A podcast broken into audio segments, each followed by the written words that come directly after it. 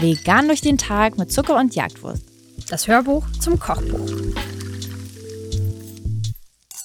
Bevor wir unser Kochbuch begonnen haben zu fotografieren, haben wir eine kleine Liste an kleinen geheimen Rezepten für unsere Freundinnen veröffentlicht.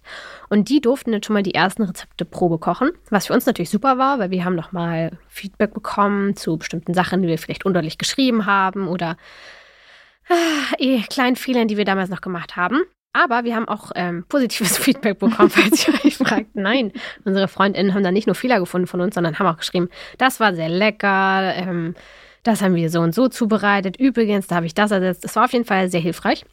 Und bei dieser veganen Erbsen-Basilikum-Pasta habe ich den Kommentar von einer Freundin bekommen, ähm, die meinte, das ist eine Pasta, wo man abends nochmal an den Topf geht und den nochmal leer löffelt, weil die so lecker ist, dass man irgendwie nicht damit aufhören kann.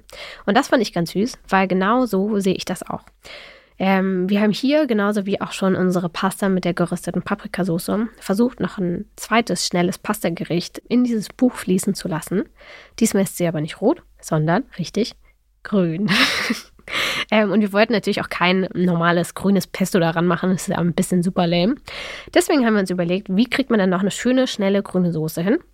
Und haben dafür einfach Tiefkühlerbsen genommen haben die püriert mit Knoblauch, mit Haselnusskerne und mit Basilikum, mit ein bisschen Olivenöl, Zitrone und ein paar Gewürzen.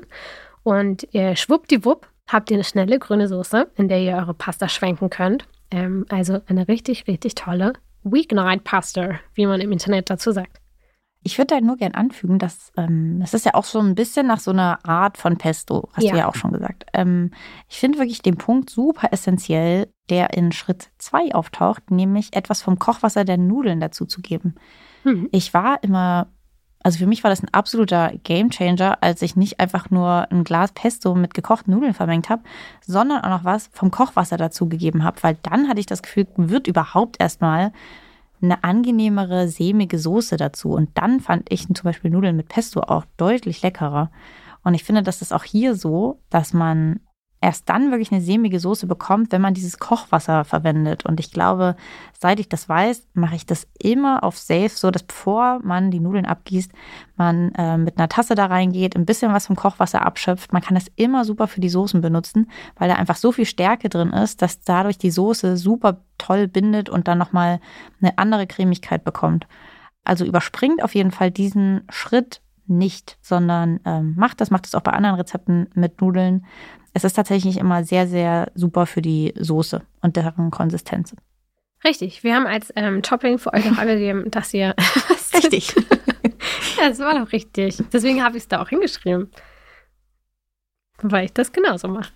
Ähm, wir haben als Topping noch für euch angegeben, dass ihr da vegan Parmesan drüber streuen könnt. Wir haben auch dafür ein Rezept auf dem Blog. Im Supermarkt findet ihr inzwischen aber auch vegane Alternativen für Parmesan. Auch die sind natürlich super.